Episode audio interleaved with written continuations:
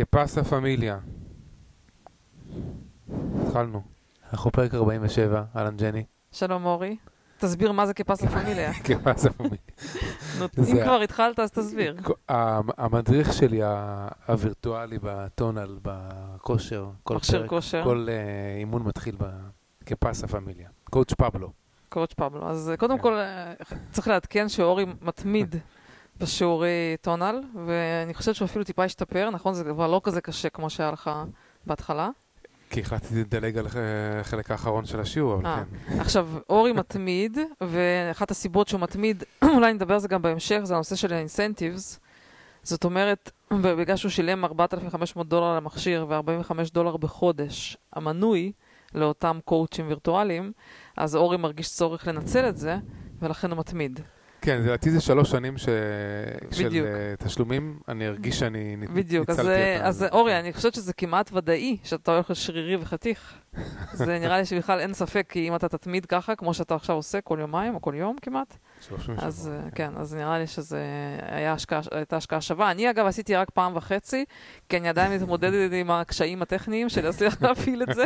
ו- לא, אבל אורי, זה בצדק, נכון? משהו שם לא, כן. יצא, לא עבד לי, כי לא כן. באמת השאיפה שלה.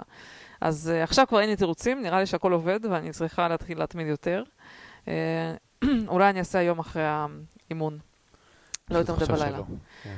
אה, יש לי גם תחושה שלא, אבל זה מחר, אני מבטיחה מחר. אני אעדכן בפרק הבא. אוקיי. עכשיו, אנחנו לא כזה מתמידים עם הפרקים, כי סתם, לא יודעת, יש כל מיני שטויות, מתעסקים עם מלא שטויות, ואנחנו טסים לארץ בשבוע הבא ביום שבת.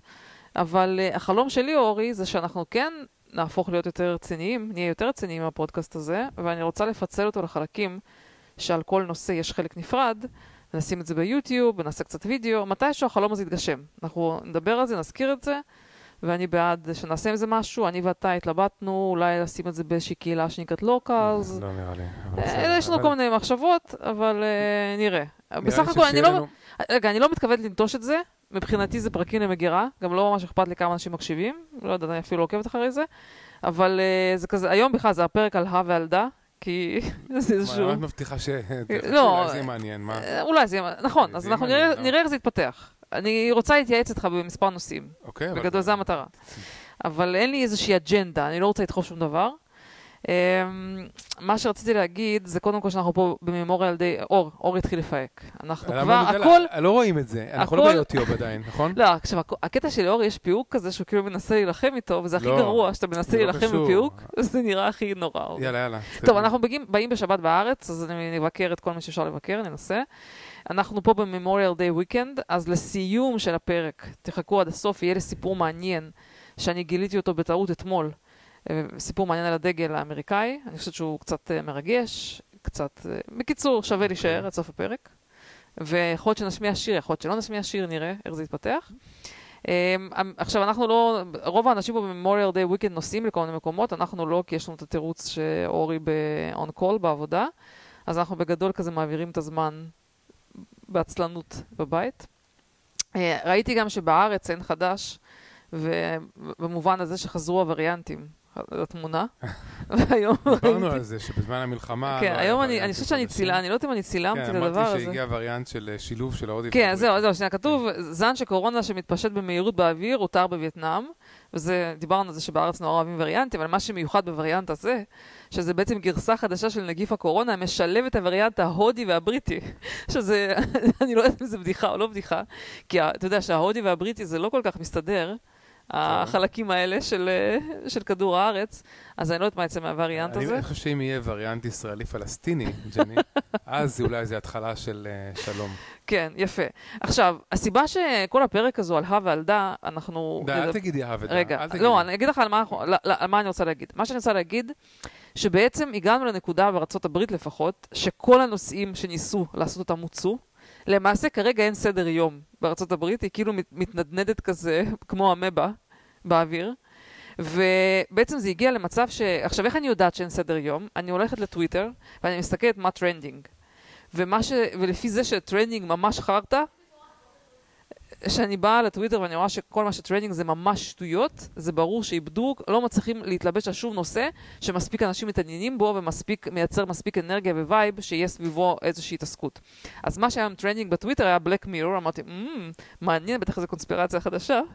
ופתחתי את ה trending של ה Black Mirror, ומה שהסתבר שהם מדברים עליו, שיש מחקר, לא זוכרת באיזו אוניברסיטה, שהם בעצם חדשני, שהם בעצם מנסים לעשות איזשהו טיפול לאנשים, שנגיד אתה נותן למישהו פושע שמקבל 20 שנה בכלא, בעצם בפועל הוא יהיה 8 ימים בכלא, אבל הוא ירגיש כאילו שהוא היה 20 שנה. כן, משהו כזה. באיזשהו, הם טוענים אה, שזה מהפכה. בגלל שהבלק מירור היה כן, ברור. על הביצה הזאת, ברור? ברור. אז הם, כי- אבל אני אומרת שאם זה מה שכרגע מטריד את העולם, את ארצות הברית, זה הסיפור של אה, איך אנחנו בעצם גורמים לאנשים שפשעו במקום 20 שנה, לעשות רק שמונה, ימ- שמונה ימים, אבל להרגיש שזה 20 שנה, זה אומר שאנחנו קצת איבדנו את האג'נדה המשותפת ולא האמת שזה מצליחים. חוסך מלא כסף לבתי כלא. בדיוק, לא, כן. זה מעניין, בוודאי שזה מעניין, אבל השאלה היא, בקיצור, לא יודעת, זה, זה, זה נושא מעניין, אבל, אה, אבל obviously לא ברמה של אמור להיות, אה, אמור, אמור להיות היה גם, מספיק מעניין. הבנתי trending על creepy Joe, על זה שהוא דיבר, טוב, זה אה, כן. הערות אה, פדופיליות. כן, וואי, זה ממש. לא, זה ממש, בכלל, כאילו, הווידאוים שיוצאים גם מקמאלה וגם מ- מג'ו, זה ממש מבושה למבוכה. אני לא כן. יודעת איך- להגדיר את לא, זה. הקטע זה שבווידאו, שהוא מדבר על הילדה הזאת, מבייש. רואים אותו עומד, כן. ויש מימינו טלפרומפטר שהוא מכוון אם מסתכל לצד ימין, וטלפרומפטר אחר שמכוון כזה, שהוא הוא מסתכל לצד שמאל, מהמם. ורואים שהוא קורא מהימני, קורא מהשמאלי, אבל אז קורה הקטסטרופה והוא החליט להגיד... והוא שם לב למישהי שעומדת לא, על הבמה והוא- התחיל להתנדב. יצא מהסקריפט. בצורה ספונטנית. כן, אוי. ואבוי, כן. לא, אורי, גם קמאלה, כל הזמן יש את הבעיה הקבועה שהיא... את מדברת כן. חזק מדי, לא יודע למה. גם קמאלה יש לה את הבעיה הקבועה שהיא מדברת שטויות, ובשילוב של חי-חי-חי, של הצחקוק, זה באמת, והיא היא אומרת איזה שטות, ואז היא כנראה קולטת שמשהו לא בסדר, או שנגיד מופיע בסקריפט שזה היה מאוד בדיחה, והיא רואה שאף אחד לא צוחק. אז היא עוצרת, היא כזה מתחילה לצחוק חי-חי-חי, ואף אחד שוב לא צוחק, וזה סתם רגע מביך. כן, אז עכשיו היה לה את הרגע המביך עם הסוללות. עם המרינס. נכון, עם המרינס היה- משהו, היה מה לה? נאום. מעניין אגב, עכשיו כן. הנושא. הנושא הוא כזה. כן, היה לה נאום אה, על זה שהצבא, קודם כל זה בנושא מרינס והכל, אבל בנושא על זה שהסולר פאוור, כאילו הגרין אנרגי, זה מה שיהפוך את הצבא ליותר טוב. עכשיו יש להם, כמובן, הקטע של הגרין אנרגי, זה מבחינת, מבחינת הדמוקרטים, גם יפתור את הבעיות של ההגירה, כי הם ישתלו עצים במקסיקו, ואז יבואו פחות אנשים, בגלל שיהיה יותר קר במקסיקו. מהמם. כן? זה פתרון אחד שה- שהגרין אנרגי עוזר. פתרון שני עכשיו, מה שהיא ניסתה להגיד, אוקיי? שסולר אנרגי הוא בעצם יחזק את, את החייל הקרבי, אוקיי? והיא ניסתה... אבל זה לא מה שהיא אמרה. שנייה, אולי היא לא, ניסתה כן. להגיד את זה.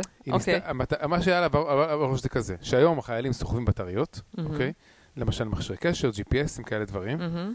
ואם במקום בטריות הם יסחבו סולר פאנלס, אוקיי? אז uh, הם יצטרכו- לסחוב פחות, ואני חושב שהסטרקצ'ר של הבדיחה שלה היה אמור להיות שכאילו שזה היה כאילו, הייתה אמורה להתייחס לח- לחיילת מרינס, כן?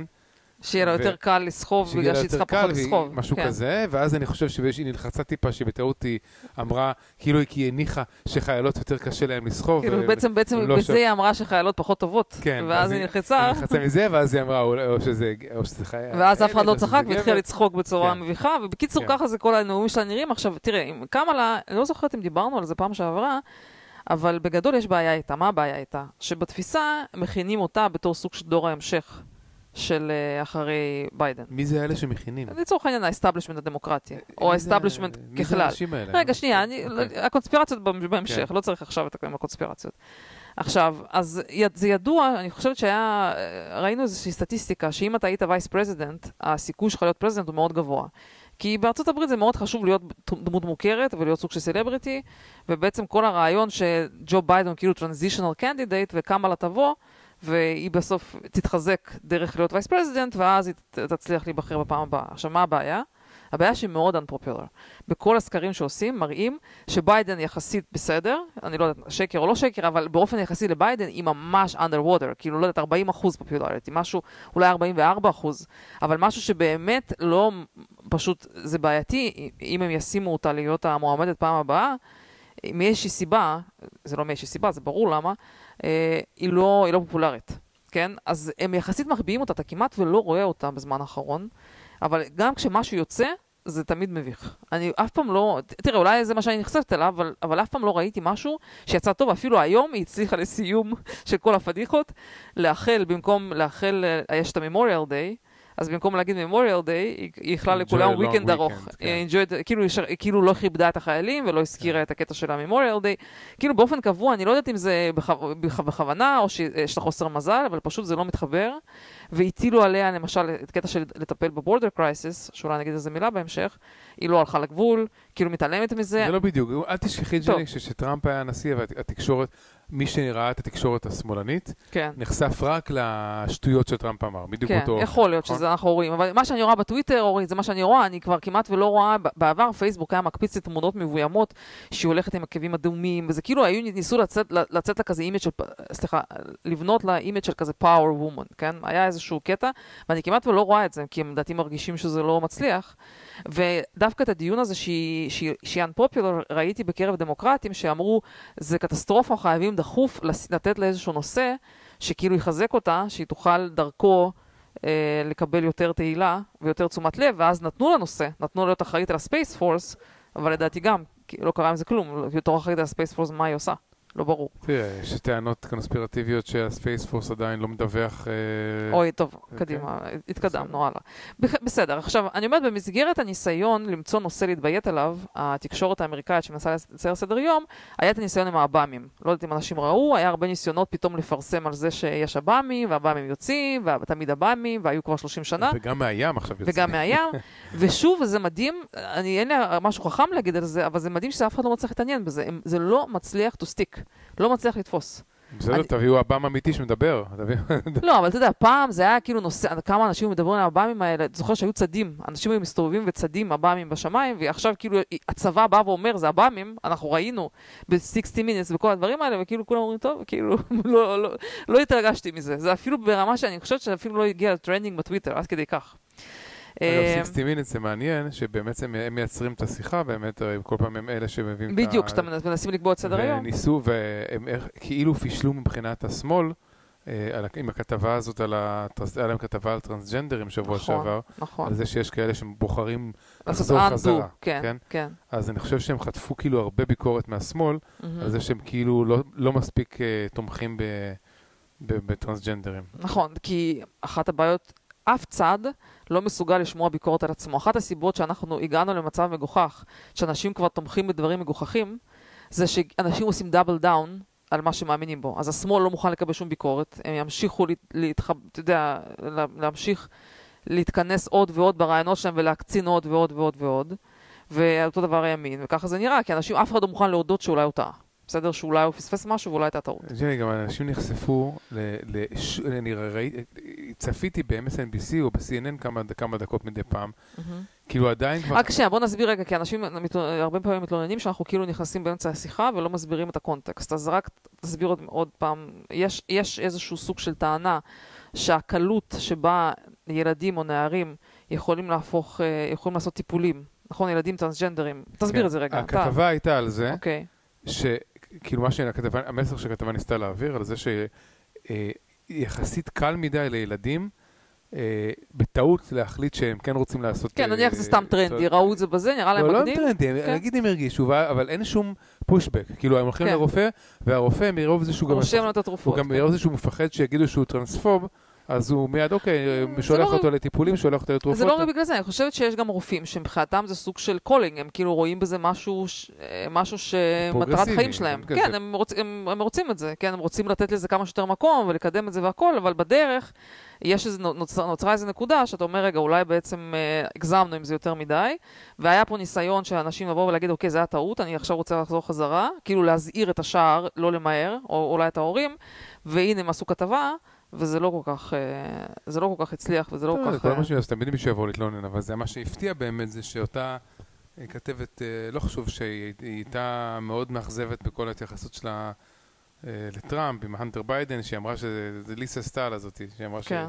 בקיצור, פתאום היא נהייתה השנואת נפשו של השמאל, אחרי שהיא הייתה בעצם הגיבורה גיבורה של השמאל עם ה... לא, אז מה שאני אומרת, ב- אנשים כן. הגיעו למצב שהם לא מסוגלים לסבול שום דעה. אגב, בנושא הזה של קלות הטיפולים, היה עכשיו דיון שמסתבר שבקליפורניה אפשר לעשות חיסון לילדים החל מגיל 12 בלי אישור הורים, את החיסון של הקורונה. בבתי ספר ארגנו כן, גם שם תורים, כן, ראינו את התור. עשו, כן. בסן פרנסיסקו לצורך העניין היה אפשר לעשות, וזה בעיניי, יש הרבה אנשים שאומרים, מה, מצוין, מה, זה טוב מאוד, בעיניי זה מזעזע, איך אתה יכול ללכת לעשות טיפול לילד שלי בלי לתאם את זה איתי? זה בעיניי באמת לא, לא סביר. את יודעת שמגיל 12 בעצם אין לך זכות על על כן. התיקים הרפואיים של כן. הפרטיות כן. הרפואית של אני. חושבת שאחת הסיבות שזה התחיל מכל מיני דברים של הפלות, וגם שגם על זה אני רוצה לדבר היום קצת, על הפלות ודברים כאלה, אבל שאני מסתכלת בתור הורה, ואני גם רואה איך הסושיאל נטוורקס משפיעים על הילדים, לפעמים אנשים, ילדים נכנסים לדברים האלה כי באמת זה טרנד, כי זה מגניב, ולא בטוח שאתה אתה באמת לא צריך לעשות איזשהו סוג של, אה, לא יודעת, לוודא, שמבח... אה, לעשות evaluation פסיכולוגי, שבאמת יש רצון לזה, זה, יש באמת התאמה וכולי. זה, בקיצור, הגזימו. אגב, בהקשר הזה סתם שאלתי את דן, זה הצחיק אותי, שאלתי את דן שהוא בן 12, יש לו חברה, אז הוא, אני סתם מראה תשובה כאילו ש, של ילד ממוצע קליפורני, שעד כמה באמת הדברים האלה גם נפוצים, אז אמר, כן, יש איזה מישהי שאני משחק איתה, ב, ב, ב, יש לו את המשחקי מחשב שלו, היא, איך הוא אמר? bisexual. bi. היא bisexual, כן, כאילו... לא, אבל זה, זה, היום בגילאים האלה, הילדים מבחינתם זה גם סוג של להיות cool, כן? זה, כל אחד, כל אחד רוצה לקחת לעצמו כל מיני identities בשביל להרגיש שהוא גם כזה וגם כזה וגם כזה וגם כזה, אז אה, לא יודעת. טוב, ש- שני, שני דברים על זה. כן. מה שרציתי להגיד קודם, שזה לא היה בדיוק על הנושא של הטרנסג'נדרים בכלל זה, רציתי להגיד שכשאנשים מקבלים אותה אינפורמציה עוד פעם ועוד פעם ועוד פעם ועוד פעם, אוקיי? אחרי זה זה פשוט נכנס, זה לגמרי נקבר לך בתוך המוח, אתה לא יכול להוציא את זה. הנושא הזה של ה insurrection, אוקיי? של הינואר- השישי בינואר, אני שמתי לב ש-CNN ו-MSNBC חוזרים על זה ממש כל יום. על איך זה נקרא, אורי? על- איך איך קוראים לתופעה הזאת? brain washing? בדיוק? מה כן. זאת אומרת? לא, בגלל זה הם חוזרים, מה? לא, זה הקטע שזה היה ינואר, איך עובדת. אפליקציית ThinkUp שלי, אה, בנושא של אפירמציות, בסדר. שאתה צריך לחזור על אותו מסר שוב ושוב ושוב, וזה, זה באמת עובד, זה, זה מדעית מוכח, זה נוצרים קשרים במוח, וזה באמת הופך למשהו שהוא ריאליטי. כן. זאת הסיבה שאתה יכול לשכנע אנשים לגמרי בדברים שלא היו ולא נבראו, או שהיו שונים וכולי, אתה יכול פשוט לבנות כל אה, מציאות. שניתן את הרקע, אז הד- לא, אני לא רוצה להיכנס לזה. לא ניכנס אפשר לא ל debates להיכנס אם לזה. זה כן היה insurrection, לא היה insurrection, בסדר, אוקיי. בינואר, לא ניכנס לזה. לגבי דן, וה... לא, שנייה, אני גם רוצה להגיד משהו, אני כאילו, אין לי, אנטי טרנסג'נדר, זאת אומרת, זה לא, הנקודה היא פה לא להגיד משהו נגד או משהו בסגנון הזה, ממש לא, רק, רק יותר בקטע של אה, להסביר אה, איך אנשים לא מוכנים לקבל שום דעה שהיא טיפה שונה ממה שהם החליטו שזה הדבר הנכון. כן, ברגע כן. שהחלטת שאתה בעד אה, טרנסג'נדרים, אז קשה לך לקבל את הדעה שאולי יש טרנסג'נדרים ששינו את דעתם, כאילו. זה- כן, בדיוק. אז אנשים, כן. לא, אנשים גם, לא, לא, במקום לה, להגיד, אוקיי, בואו כחברה נלמד מזה, חשוב לנו לאפשר לאנשים את הטיפולים האלה, אבל אנחנו רוצים גם לוודא שזה לא איזה משהו שאנשים עושים בטעות, כי באמת זה שינוי גופני שאחרי זה קשה לתקן. במקום שאנשים פשוט יראו את זה כשלב הבא בהתקדמות של הדבר, של הלימוד של הנושא ושל הפנמה ושל הכלה שלו בחברה, אנשים ישר כאילו נלחצים ועוצרים, וואו, זהו, לא, אסור לדבר, זה אסור להגיד כלום. אני לא מבינה למה. למה אי אפשר לעשות איזה דיון? זה לא אומר שאנשים מתנגדים לזה, זה רק אומר שאנשים רק רוצים, אה, אתה יודע, רק רוצים להבין. זה בדיוק כמו חיסונים, בדיוק כמו חיסונים. אגב, אתה יודע שאנשים של שכחתי את השם, תשמע, הכות- ה- נו, מי שכתבה את הארי פוטר, איך קור- איך קוראים לה? שכחתי את השם שלה. עשו לה ג'יי קיי cancel, רולינג, ברור. כן, עשו לה cancel מוחלט בדיוק על הנושא הזה. עד כמה שידוע לי. אבל היא לא כזאת קאנסלבל. אה, בסדר, אבל ניסו לעשות לה קאנצל. טוב, anyway, מה שאני רוצה, רק לסיכום של כל הקשקשת הזאת שעשינו פה, אז באמת אה, יש לנו איזה חבר, אלון מטס, שכתב אה, לגבי תופעה שנקראת, אני לא יודעת איך אומרים את זה, ג'ל מן אמנזיה, אמנזיה, איך קוראים לזה? אמניזיה. אמניזיה, סליחה, אמניזיה, אמניזיה, אני ככה אומרת את זה כמו ברוסית. אה, ויש באמת אה, מישהו שקוראים לו מייקל קרייטון, נכון? זה השם שלו, מייקל כן, קרייטון? הוא הסופר. שהוא הוא כתב את פארק היורה. וואלה, אוקיי, אז מה שהוא כותב, אה, הוא מסביר מה זה, מה זה, מה זה האמ- האמניזיה הזאת. You open the newspaper to an article of some subject you know well. Uh, um, Omer, uh, in my in my case, show business. You read the article and see the journalist has absolutely no understanding of either the facts or the issues. Often the article is so wrong it actually presents the story backward, rev- rev- reversing cause and effect. I call these the w- the wet streets cause rain stories. Papers full of them. In any case, you read um, you read wi- uh, with amusement the multiple errors in a story, and then turn the page to national or international affairs and read as it if as and read as if the rest of the newspapers was somehow more accurate about Palestine than the baloney you just read you, you just read. פולוני. You אוקיי, turn, פולוני. you turn the page and forget what you know. טוב. כאילו מה שהוא מנסה להגיד, ש... אפשר לחסוך את הקריאה שלך, ג'ני, להגיד את זה. כן, מה? אז אוקיי, אז תגיד, כאילו מה שהוא מנסה להגיד שאתם, לא, אבל זה, זה ככה מתואר את התופעה בצורה מסודרת, טוב. שאתם רואים שאנשים מדברים על משהו שאתם יודעים בוודאות שזה לא נכון, כי זה נושא שאתם מבינים בו, ובנושא הזה אתם אומרים, אוי, איזה שטויות הוא מדבר, אבל אתם מאיזושהי סיבה חושבים שהנושאים האחרים הם כל כן בסדר. החדשות שאתה לא מב- מבין כן. בהן בעצמך, אתה מאמין לעיתונות. כן, אז, כן. אז זו, זו תופעה אחת, ותופעה שנייה זה באמת הניסיון לקבוע סדר יום, כי בנוסף למה שאתה אומר על נושאים מסוימים, מה שגם מעניין זה מה הנושאים שמצליחים להגיע לתודעה הלאומית ולהפוך לאיזשהו אישו, אז גם בנושא הזה התקשורת היא מאוד מאוד פיקי. והיא בוחרת את הנושא, זה, מי שחושב שזה ספונטנית, זה החדשות שקורות כרגע, הדוגמה של הבאמים זה בדיוק דוגמה הפוכה, זה שהבאמים האלה ידוע מלא מלא זמן, כנראה, והם תמיד היה נוש, נושאים אחרים שהיו יותר מעניינים, והם הגיעו לנקודה שכבר כל כך לא מצליחים למצוא נושא להצליח לייצר איתו חדשות, שהם עכשיו דוחפים את האב"מים האלה, כן? כי כל דבר אחר זה לבקר את ביידן, והם לא רוצים. כן, או לבקר את קמאלה, אז הם מחפשים איזה נושא שיהיה מצד אחד מעניין ואנשים יבואו אחריו, ומצד שני זה לא יהיה ביקורת על, אה, על השטויות שהממשל הנוכחי כרגע עושה. אה, אז בנימה אופטימית זו, אני באמת רוצה לעבור לישראל, כי, כי מה שקרה... לפני זה, כן. יש לי משהו קטן, שדן כן. באמת אה, דיווח לנו שהוא נדרש בבית ספר למנות את ה intersectionalities שלו, באיזה- באיזה סוג של מימדים הוא oppressed, אוקיי? אה, ככה זה נקרא? זה נקרא... אוקיי. intersectional. intersectional אבל זה זה, לא... זה קשור. ל oppression? אינט- אם אתה גם אה, אה, שחור וגם אה, גיי וגם אה, אישה, אז יש לך שלוש- יש לך שלושה, שלוש נקודות, אוקיי? כן. אם אתה גבר ולבן וסטרייט, ואם נגיד עוד יהודי, אז בכלל. לא, על יהודי אני לא יודע אם זה נותן מינוס חיובי או שלילי. אבל- לא, זה שלילי זה oppressor עכשיו, זה כאילו אתה עושה oppress ב Palestine. יכול להיות, כן, אז בעצם הוא... אה, זה נראה הכי גרוע, כן. זה תחתית הסולם. כן, לא, אבל זה צריך להיות גם, אה, אה, נגיד, אה, נגיד אם תושב אתה- אזרח אמריקאי, כאילו כן. אה, יליד אמריקה, כאלה דברים. אה, כן, יכול להיות שאם אתה כאילו מהגר, בכל זאת יש לך איזה נקודת פלוס. לא, בתור immigrant כאילו זה נחשב פחות, נחשב יותר טוב מלא immigrant. כן, אבל העובדה שהוא היה- שהיה להם תרגיל שהם צריכים לנתח את ה... עד כמה הם oppressors, כן? זה בושה לא, וחרפה לא, למערכת אני- החינוך, כן? לא, אני גם חושבת שאני לא, אני, אחת הסיבות מבחינתי לעזוב את קליפורניה, זה באמת זה שמערכת החינוך, אני מאוד לא מרוצה, כי אני לא רוצה שהילד שלי יגדל בשנאה עצמית, של להרגיש שהוא אופרסור, מה קשור, איזה, איזה אופרסור, מי הוא עושה בסדר, למעלה? וגם אם הוא לא זה שמאמין בזה, אז האנש- הילדים שאיתו בכיתה מאמינים בזה. כן, אז, אז אני לא אוהבת את זה שהוא כאילו, אני מרגישה שמלמדים אותו סוג של שנאה עצמית. טוב, אז אני חושבת שזה זמן טוב להגיע לדבר קצת על ישראל, כי באמת, אם יש דוגמה, לא סתם עכשיו הקראתי את האמניג'יה הזאתי, אמניזיה, ואת. אה, מומחית לישראל בעצם. לא, שנייה, בדיוק. כמומחית לישראל, אז כמובן, דוגמה מספר אחת זה לראות את הצורה שבה מדווחים על ישראל בתקשורת האמריקאית, וכל מי שעדיין חושב שהניו יורק טיימס וה-CNN זה חדשות, או סוג של facts או whatever, זה הזמן שוב. אני ניסיתי שפעם שעבר, פעם שעברה להעיר את האנשים אה, בגלל המעבדה בסין, שהווירוס ברח מסין, לתת סטירה בלחי ימין. עכשיו הסיפור של ישראל זה סטירה בלחי שמאל. עכשיו שאתה נתת לעצמך שתי סטירות, להתעורר ולהבין שזה לא תקשורת ולא פקס ולא שום דבר. עכשיו, מה, ש... מה שמעניין לדבר על ישראל, אני חושבת, זה בעיקר, זה בעיקר איך בעצם, יש טענה, שהיא כנראה טענה נכונה, שישראל מפסידה במלחמת PR. על פניו, הקונפליקט האחרון, לפחות התחושה שלי, שבכלל צבאית ישראל תפקדה בצורה מאוד טובה, והייתה מאוד ממושמעת, והפיקה לקחים מדחיה, באמת נראה לי שהם עשו דברים בצורה מאוד, אה, מאוד רצינית, אבל יש טענה קבועה שבמלחמת PR היא מפסידה, ואני מנסה. להבין למה היא מפסידה במלחמת PR. אז אה, אני חושבת שמה שקורה זה שמנסים, השמאל האמריקאי מנסה להלביש את המושגים של ה-social justice החברתי של ארה"ב, מנסה להלביש אותם על ישראל כדי להצליח להתחבר, לחבר את האנשים למאבק הזה, ואנשים כאילו כמו זומבים מאמינים לכל, לכל שטות שאומרים.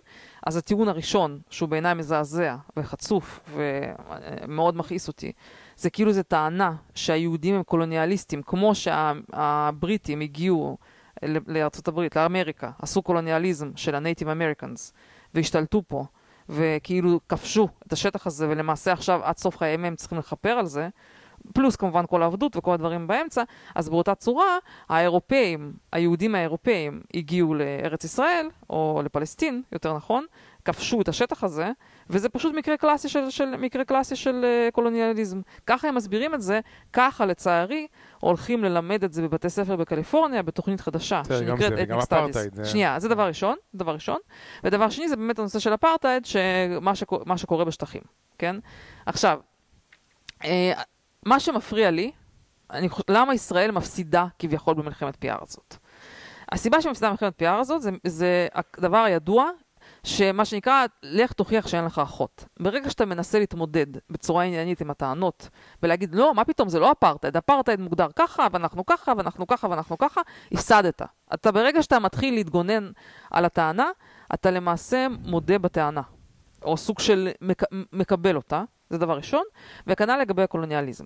עכשיו, הטענה שלי, שההתמודדות צריכה להיות מאוד אגרסיבית, עם מסרים מאוד אגרסיביים שמתקיפים באותה צורה בחזרה. טענה מספר אחת, שיהודים וציונות זה באמת עניין של אלפי שנים, ואימא שלי ברוסיה, בברית המועצות, הייתה ציונית גם אחרי שטיפת מוח של קומוניסטים שכבר מזמן... מי מנסה לשכנע? לא הבנתי. שנייה, אני מנסה להסביר איך ישראל הייתה צריכה להתמודד. אז אני אומר, דבר ראשון, ישראל צריכה לבוא ולהסביר שציונות, שציונות זה משהו, זאת הסיבה ש, שיהודים באו לארץ, והם תמיד היו שם וכולי. לא משכנעת אף אחד. ושנייה, כן. זה לא נכון, ולמעשה, השאלה שאני שאלתי, השאלה הטריוויאלית, איך יכול להיות שלא רואים ביהודים את ה-Native Americans? לצורך העניין, היהודים הם ה-Native Americans. זה שהגלו אותם, העיפו אותם והם חזרו.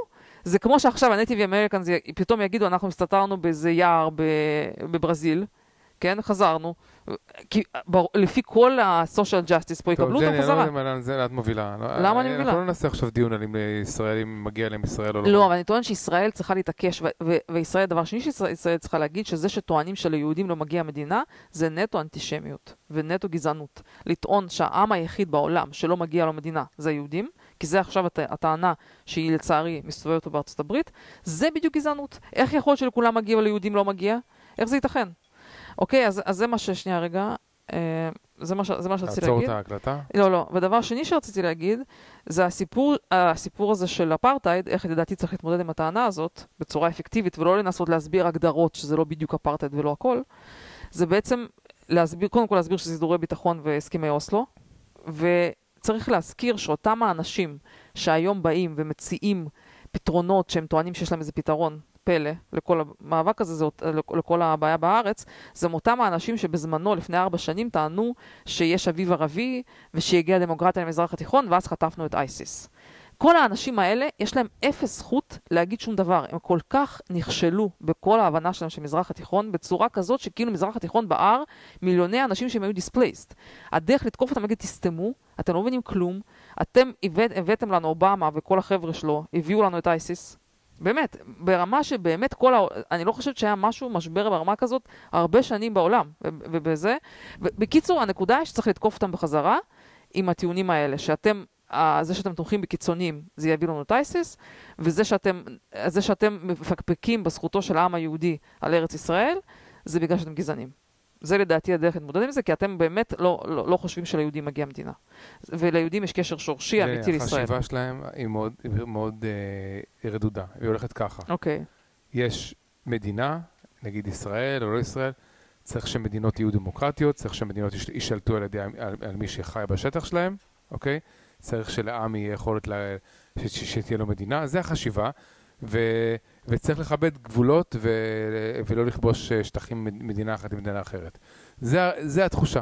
זה, זה החשיבה, היא חשיבה שנורא נורא רדודה, מה לעשות? זה לא קשור, אבל ברור... זה ההבנה של, של הקונפליקט. נכון, ובגלל שהחשיבה שלהם נורא רדודה, הם לא באמת מנסים לרדת לעומק ולהבין מי נגד מי, גם הצורה שישראל עושה הסברה, והסיסמאות שמשתמשת בהן, במקום לנסות להתאמץ להסביר את האמת, שאף אחד לא יקשיב לזה, כי כולם בסיסמאות רדודות, אתה צריך פשוט להחזיר בסיסמאות מאוד אגרסיביות בחזרה. להאשים, ואתה יודע מה? אני יודעת שיש כל מיני אמריקאים יהודים שיצא לי פה לדבר איתם, שאומרים, אוי, זה כל הזמן להזכיר אנטישמיות, זה מניפולציה. כן, צריך לעשות מניפולציה, כי גם הם עושים מניפולציה. והדרך היחידה אה, היום זה הכל בסיסמאות והכל בהשטגים, ואף אחד לא באמת מעוניין לדבר בשום דבר לעומק, בסדר?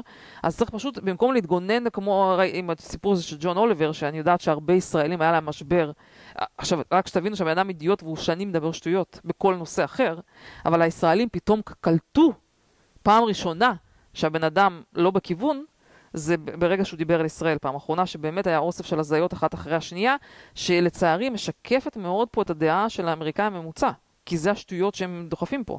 אני זוכר תקופה ארוכה שהייתי מקשיב לו, ו-90% מהדברים שהוא היה אומר, הייתי מסכים איתו, כי הוא נשמע לי... אה, נכון, אבל אחרי שעכשיו אנשים, כן. בעקבות אותו הקונספט שהסברנו קודם, אחרי שאנשים עכשיו שמעו אותו מה הוא אומר על ישראל, ואת טמטום הטענות שלו, ההיעדר לוגיקה, כל מיני, באמת אוסף של שטויות. אין לי דרך אחרת להסביר את זה, חוץ ממה שאני הסברתי את זה, שהוא רצה להגיע למסקנה שישראל עושה פשעים, פשעי מלחמה ואופרסור, והוא פשוט בנה כל מיני נרט עם כל מיני שטויות בשביל להגיע למסקנה הזאת. זה השיטה, השיטה, הוא התחיל כאילו מהסוף, הוא לא התחיל מהעובדות או משום דבר.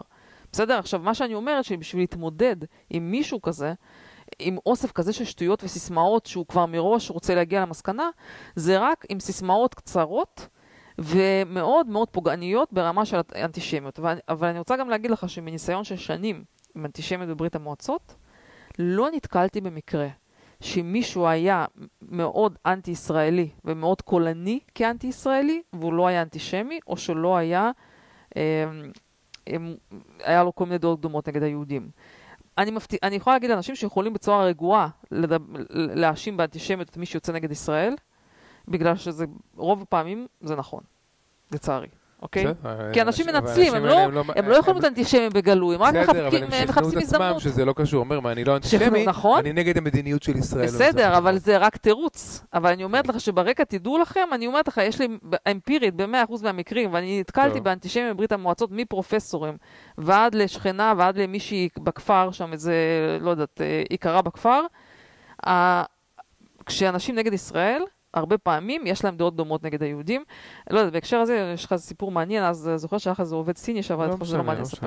לא חשוב, אז אני, אז אני רציתי א', א', להגיד על זה, שלא לא לחפש, לא לחפש להתחפר בכל האפרטהייד הזה, פשוט להחזיר בסיסמאות. טוב, ממש, ודבר... אני לא חושב שאת יכולה לנהל את מדיניות הסברה של ישראל, אבל בסדר. אני לא, אני, תראה, היחיד שאני התרשמתי ממנו שלדעתי הוא לעניין, יש את היוסף חדד הזה או משהו כזה שמסתובב הרבה הקליפים שלו. אז, אה, אז זה מעניין. עכשיו, דבר שני שמעניין לדבר זה באמת על האם באמת יש אנטישמיות בארצות הברית. כתבתי עם איזה חבר בארץ, והוא קצת שאל אותי לגבי זה. יש עכשיו הרבה כתבות, נכון, על זה. אני יכולה להגיד קצת מהניסיון שלנו, של מה שאני רואה פה. אז קודם כל, סן פרנסיסקו, ה-Teacher Union של סן פרנסיסקו, אז הם הוציאו החלטה שהם תומכים ב-BDS. עכשיו, זה רק סן פרנסיסקו, זה לא ממש שייך לאזור שלנו. אבל בוודאי, ואני הבנתי שהיה שם 4 ל-1, מבחינת כאילו כמות האנשים שתמכו בזה. ברור שלהיות בבית ספר ובאזור, שאתה יודע שהמורים תומכים ב-BDS, אני חושבת שזה מזעזע, שוב, מבחינתי הסיבה חד משמעית לעוף מהסן פרנסיסקו. אבל זה לא הגדרה של אנטישמיות, BDS זה נגד ישראל. כן, אבל הילדים שלנו הם ישראלים, אורי, והזהות שלהם ישראלית, כן, ומבחינתי... כן, אבל השאלה האם יש אנטישמיות, אני לא יודע. שנייה, אז אני אומרת, דבר ראשון, האווירה היא לא נעימה. עכשיו, ברגע שאתה עושה את כל החרמות האלה, אני הראיתי לך טוויטים, אני לא אחפש עכשיו, של יהודים בניו יורק, כי שם באמת יש קהילה יהודית גדולה פה יש קהילה ישראלית יותר, שם יש קהילה יהודית גדולה, שהם אומרים שפתאום העורך אמר שאולי אני לא רוצה לעבוד עם יהודים, כי אתם ציונים. יש פתאום איזה קטע ש, שיש חיבור להגיד, אוקיי, יהודי בסדר, אבל ציוני זה לא בסדר. ופה, סליחה, אורי, ציוני זה משהו שעל גופתי. אני לא מוכנה לוותר על ההגדרה הזאת כמשהו טוב ותנועה טובה וחיובית, ואני מזועזעת מזה שיש גם ישראלים פה, שמאלנים, שאני אומרת לך שהם מתביישים במילה הזאת ציונות. זה הפך למילה שאתה כאילו קצת uh, מתכווץ כשאתה שומע אותה. וזה, וזה, שב, וזה שבניו יורק יש אנשים שאומרים, אני לא אעבוד איתך כתה ציוני, אני לא אעבוד איתך כספר, כמאמן, או כזה, זו בעיה מאוד מאוד קשה. אתה מבין? זו בעיה חמורה, והיום אני עשיתי שיחה עם הילדים כי נלחצתי מזה, והסברתי להם שסבתא מילה, אימא שלי, הייתה ציונית, אמיתית, ולמרות שהיא גדלה בברית המועצות, ולמרות שלא סיפרו להם כלום, היא לא הייתה אמורה לדעת כלום, היא תמיד הייתה ציונית, והסיבה שהיא באה לישראל זה מציונות. והסבא שלה היה, והאבא שלה היה כזה, וכל המשפ... והמשפחה הייתה כזאת. אסור לוותר על הנרטיב הזה, ואסור שהמילה ציונות טוב. תהפוך למשהו כאילו מילת גנאי. כרגע מה שרואים זה שיש אלימות נגד יהודים שלובשים כיפות וכאלה. מזוהים, אה, שמישהו מזוהה, או שהולכים לאזורים יהודים. או שעושים איזה גרפיטי כזה ב... כן, היה כאלה כן. דברים, וכאילו אני חושב ש... היה איזשהו, יש איזושהי ציפייה שהאלימות הזאת הייתה קשורה, קודם כל בגלל שהייתה בעיקר על ידי ערבים וכאלה, mm-hmm. והייתה, והייתה קשורה למלחמה בין ישראל וחמאס, אז יש איזושהי תקווה כזאת של אנשים שאוקיי, נגמרה המלחמה, אז זה יעבור. אני, יש סיכוי שזה יעבור באמת. אבל גם ביידן הגיב על זה ממש ממש אחרי הרבה זמן. כן, בצורה וגם אני מאוד- שמעתי אנשים שמגיבים? כן. וישר מקשרים את זה לאסלאמופוביה. אומרים, אנחנו נגד אנטישמיות ונגד אסלאמופוביה. למרות שלא היה אבל לא עלייה. היה שום מקרה של כן. אסלאמופוביה, למה אנחנו נכניס את זה ביחד? כן, אנשים כאילו? אמרו שזה בדיוק דוגמה, כן. אגב, סביב היהדות זה נורא מעניין להבין בדיוק את הטענות שהיו ב-Black Lives Matter. כשאנשים אמרו All Lives Matter, אז ה- ה-BLM התעצבנו, אמרו, אל תגידו את זה כי אתם פוגעים בנושא הזה של אה, Black Lives Matter. ועכשיו דרך היהודים אני מבינה את זה, אני אומרת, נכון. ברגע שמישהו בא ואומר, אני מגנה יהדות ואסלאמופוביה, אתה אומר, רגע, אבל אין באמת בעיה באסלאמופוביה, למה אתם עכשיו, למה אין לכם את הביצים? ואת ה... לכבד, ולכבד את מה שקורה, ולהזכיר רק את היהודים. הם מפחדים שיעשו להם כל מיני בנינג וכאלה, מה לעשות? תראה, אני חושבת שיש בעיה במפלגה הדמוקרטית, שהאגף הפרוגרסיבי והצעיר שלה, שרק הולך וגדל, הוא אנטי-ישראלי, לא מסיבה... כי הוא פשוט שטפו לו את המוח, הוא פשוט קרא את הניו יורק טיימס, והם באמת אנשים, אם יש צרכן לניו יורק טיימס שמאמין לכל שטות שהם כותבים, זה בדיוק הפוליטיקאים הדמוקרטיים. ג'ני, זה הפילוסופיה השמאלנית, הזאת, שהיא פילוסופיה פרוגרסיבית שאומרת שכל האנשים שווים, וברגע שהחלטת שכל האנשים שווים, אתה גם קופץ קדימה ואתה אומר גם, גם ה outcome צריך להיות שווה, ובגלל שבישראל אה, ה outcome של יהודים וערבים הוא לא שווה, אז זה, בעצם הוכחה שיש גזענות ואיך קוראים לזה? כן, אבל אני רוצה להגיד לך שבשורה התחתונה. מי שהוביל, מי שהוביל את המהלך נגד ישראל, שלא ימכרו נשק לישראל, ושלא ימכרו לישראל אה, את המילוי, למלא את הכיפת ברזל, את החידוש מלאי של כיפות ברזל, זה היהודים, זה ברני סנדרס, שבסדר, הוא אידיוט, וזה שם אותו בצד, AOC, כמובן, הוא לא מפתיע, פופוליסטית, אבל מה שהטריד אותי, שיש את האוסוף. נכון, איך קראו לו? הסנטור? החדש כן. מג'ורג'יה, שהוא יהודי, וכולם התלהבו, הנה מג'ורג'יה נבחר יהודי דמוקרט, והוא זה שהוביל, הוא הוא בעצם נחשב סנטור מאוד אה, חשוב עם הרבה עתיד, והוא גם צעיר, הוא הסנטור הכי צעיר. רוב הסיכוי, יש סיכוי שהוא ימשיך להיות בקונגרס עכשיו עוד 900 שנה, כי הוא בן איזה 38-40. והוא זה שהוביל את ההחלטה הזאת נגד ישראל, שלא למכור לה נשק. אני לא, תשמע, ההחלטה שלא... למכור למכור- כיפת ברזל זה כבר איבל, כן, זה לא, זה זה לא נכון? נשק. זה... ויש להם גם איזה הסבר עקום, זה בדיוק מסוג ההסברים המפגרים שהניו יורק טיימס מסוגלים לכתוב, כי זה כאילו פוגע בסימטריה.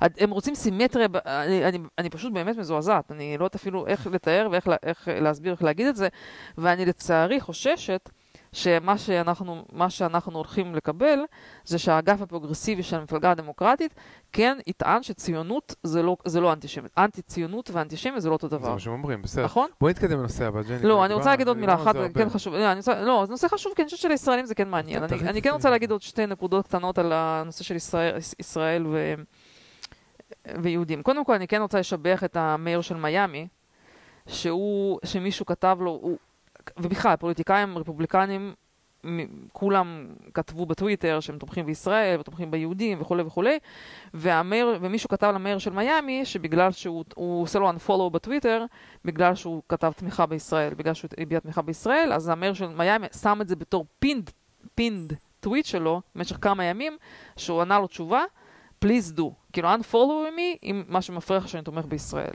אז קודם כל זה כמובן משמח לראות. זה נכון שהתמיכה הזאת מהרפובליקנים זה גם, גם בגלל שהם תומכים, בגלל שנגיד הם קריסטיאנס ומאמינים שישראל באמת זה מדינה של העם היהודי והכל, יש שם סיבות הם עמוקות. מאמינים בחוק וסדר גם. כן, אה. אבל זה גם קשור בגלל שבאמת הם, שוב, זה הקטע הזה שכל צד תופס עמדה נגדית ומתבצר בה והולך עד הסוף, כן? אם אלה אומרים אנחנו לא נמכור להם כיפת ברזל, אלה אומרים אנחנו נתמוך וזה וטה-טה-טה, כן? כאילו זה גם חלק מהפרטיזנשיפ המפגר הזה זה, שבאמריקה. החשיבה של הרפובליקנים מחשבת גם Human Motivation. Human Motivation אומר, ודמוקרטים לא מחשבים Human Motivation, והחשיבה של Human Motivation אומר, אם ישראל תכה בפלסטינים, אז הם ייאלצו אה, להתפרק מהנשק שלהם, כי, זה, כי יראו שזה לא עובד. שזה זה אבל- לא, זה חסר תוחלת. והחשיבה של הדמוקרטים צריכים שיהיה שוויון, זה, זה הפילוסופיה, צריך שוויון. אז נחזק את הפלסטינים, נחזק את איראן, כן, נחזק את ה... אל מול האלה שיותר יותר חזקים. ישראלים כדי שזה כן, ישתווה כדי שזה לכמות של ירגיש שיש פה, הפלסטינים. ש- שזה כן. הוגן. כן, ונו, למי שלוגיקה, כאילו אין לוגיקה. הלוגיקה והדמוקרטים זה לא באותו, לא, לא היו באותו אזור.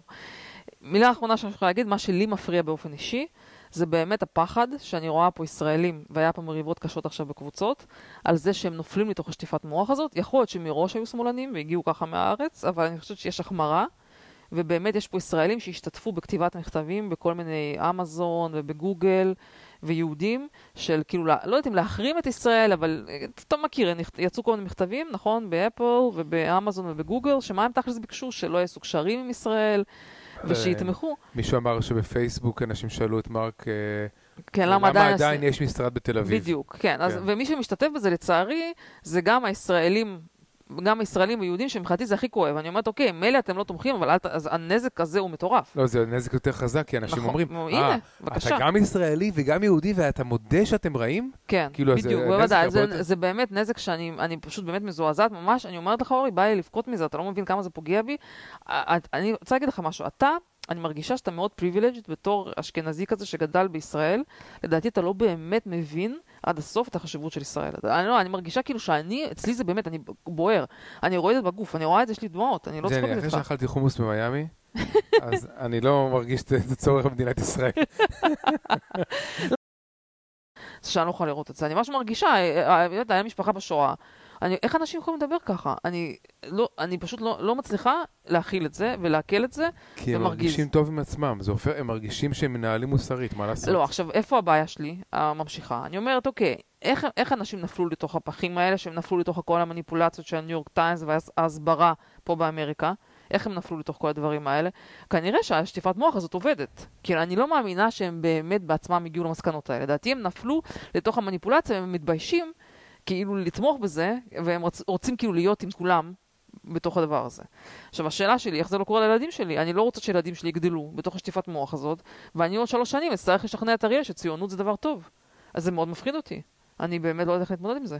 טוב, אני יכול לעבור לקדם קצת. עשיתי שיחה היום, בקיצור, תשמע, זה לא... הנה, אני רוצה לדבר על שני, שני חוקים מקומיים, אוקיי? חוק אחד. רציתי אבל להגיד לך מילה אחרונה, יש עוד לך מילה אחרונה על זה, כתוב לזה. אז לדעתך, אבל יש פתרון לבעיה, ראינו הרבה סרטים, היו הרבה שיחות, לדעתך יש פתרון לבעיה ישראלית פלסטינית, או שזה, יש מה לעשות עם זה? מה יהיה עם זה? הבעיה, הפתרון הוא זמן.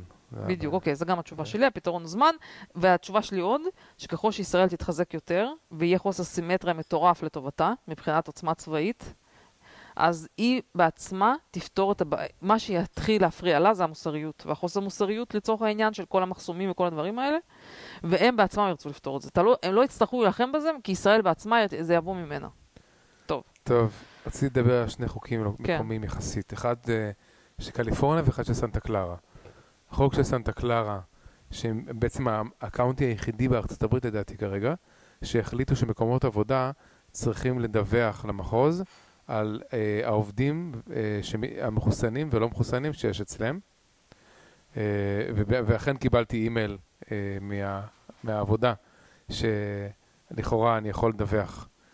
והמטרה היא, כאילו, מטרה שמקומות העבודה, ברגע שיהיה איזשהו הבדל בחוקים בין מחוסנים ללא מחוסנים, אז למשל אם לא צריך לשים מסכות, כן? אז מקומות העבודה, אז uh, הקאונטי יוכל בעצם לתת קנסות למקומות העבודה שמתייחסים לאנשים uh, לא בהתאם למצב החיסון שלהם, כן? וכבר הגדירו את כמובן אה, גובה הקנסות וכאלה, זה 5,000 דולר, כל מיני דברים כאלה למקומות עבודה. עכשיו, אני באמת קיבלתי את המייל והלכתי, בדקתי בחוק, בהוראה, ואני חושב שזה כנראה היה מנוגד לקונסטיטיושן שהם לא יכולים להכריח אותך לדווח למען המצב הבריאותי שלך, כן? כן. אז, אבל בהתנדבות אין בעיה.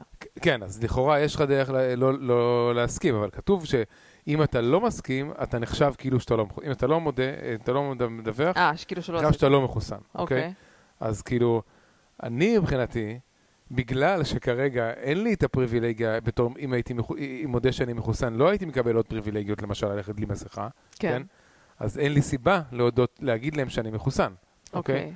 אז אני בעצם מנסה לחנך אותם כדי שהם יחליטו לתת לי פריבילגיות, ורק אחרי זה אני יכול, יוכל אולי אה, לדווח שאני מחוסן. תראה, האינטרס כן? שלהם שאנשים יחזרו למשרד, אני חושבת.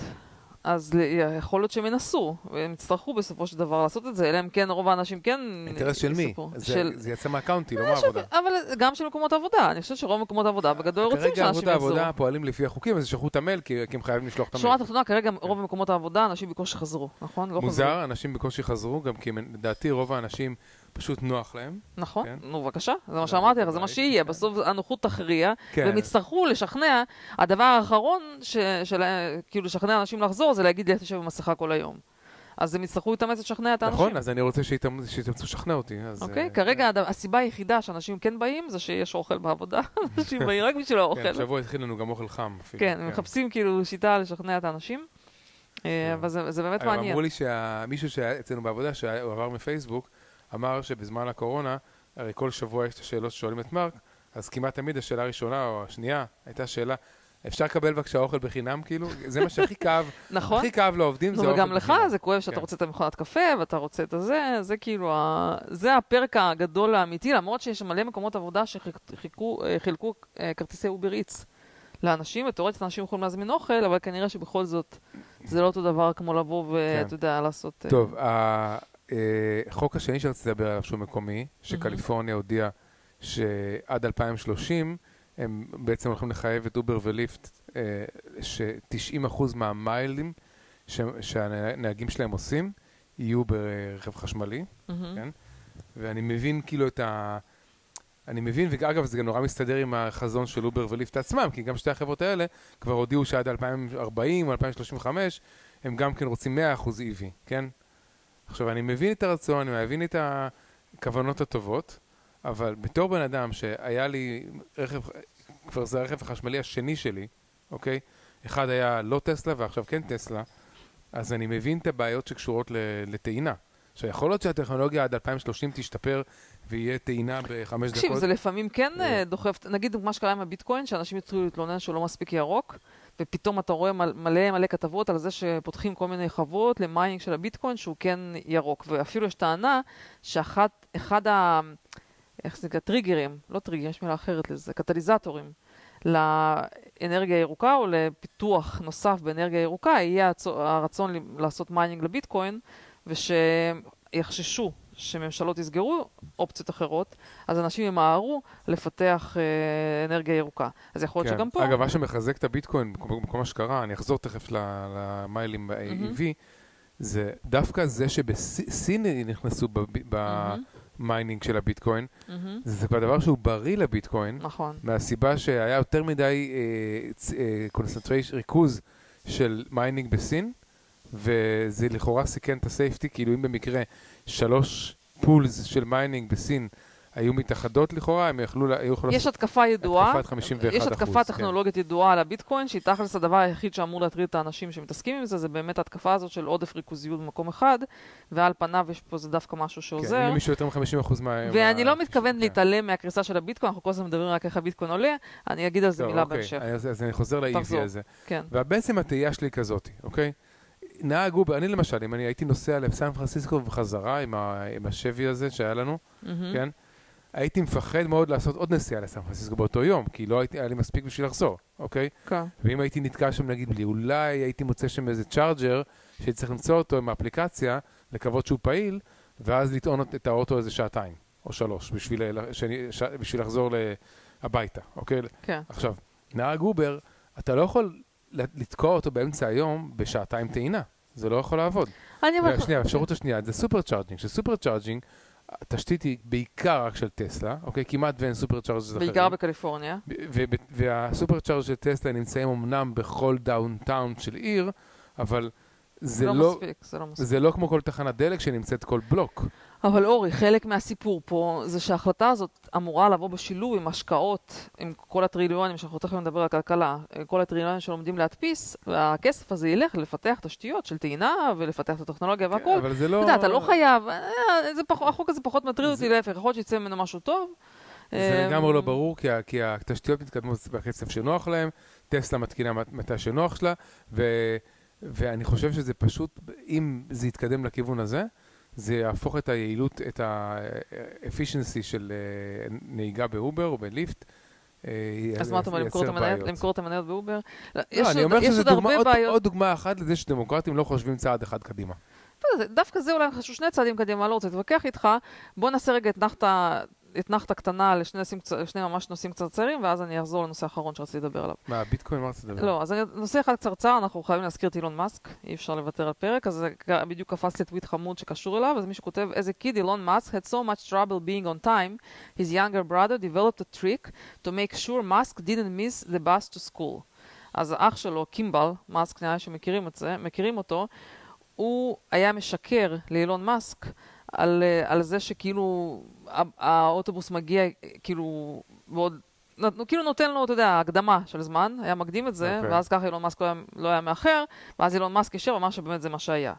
עכשיו, הסיבה שאני מעלה את הטוויט הזה, הסיבה שרציתי לדבר על זה דקה, זה שראיתי טוויט ש...